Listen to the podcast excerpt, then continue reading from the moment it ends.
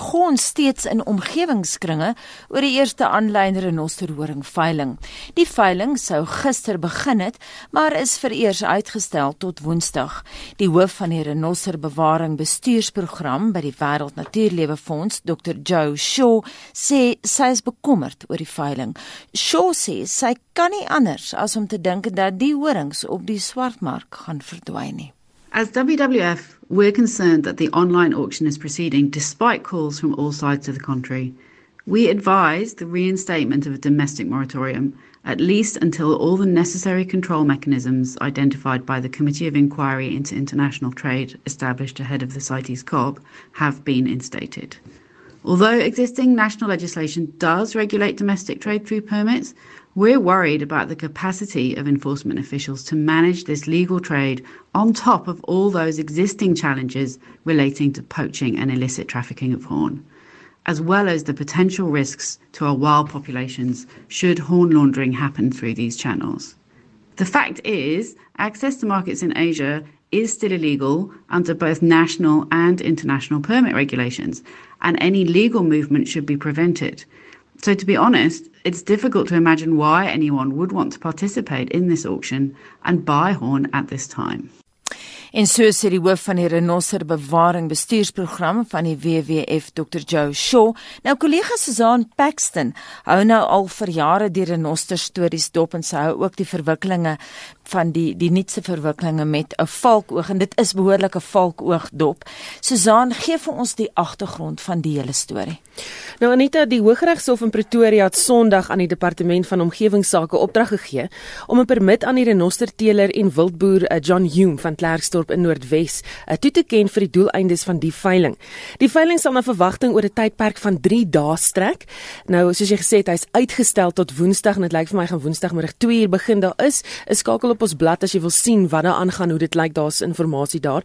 Die uh, vir dis die Facebook bladsy.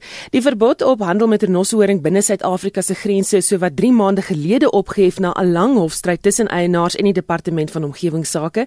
Nou Hume het in 'n onderhoud vroeër aan joernaliste gesê hy het geen ander keuse as om die horings te verkoop nie.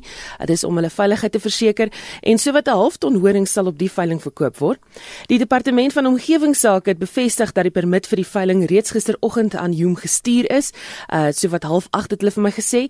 Die woordvoerder van die departement uh, Moses Ranatcheni sê daar is egter 'n paar voorwaardes waaraan daar voldoen moet word tydens die veiling. People who is going to bid for his horns should have secured the permit from the department. And the second condition is that the department should be granted access to the online auction to do the necessary compliance monitoring. The third one, the permit does not authorize international trade in rhino horn. Rana de Cheney sê verder dat die veiling nie enige wetgewing oortree of ooreenkomste wat met CITES beding is, verbreek nie.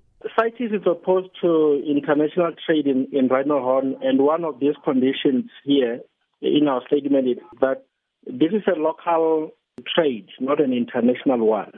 So, because here we are obliged to uh, comply by our constitutional court decision, we are not in breach of the CITES agreement. Hy het verder bevestig dat die horings wat verkoop word by die departement geregistreer moet word. Rani Diceni sê die horing moet in alle tye in die besit van die koper wees. We are saying that the bidders should apply at the department for the permit to buy those horns. Then we will have their details. And when we conduct uh, continuous monitoring, we should always find them in possession of the horns they have bought. These horns are profiled according to DNA. So if we come to you, for instance, you have bought a horn before international trade is granted or it's allowed, we will be able to get the horn from you and still verify that it is the horn which you have bought in the auction. So the owners will also be uh, on the people who are bidding for these horns uh, to continue to respect the conditions which uh, the department has set down.